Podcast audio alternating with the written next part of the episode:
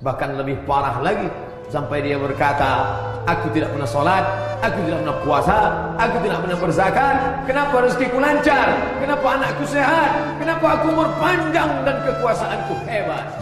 Eh, sombong. Yukhadi'un Allah. Mereka merasa sudah menipu Allah. Wahuwa khadi'ahum. Padahal Allah sedang memainkan mereka dalam tipu daya bernama istidraj.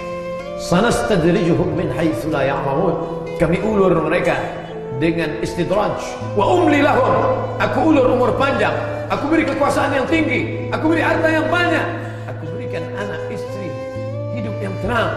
Tapi sebenarnya itu adalah laknat bersampul rahmat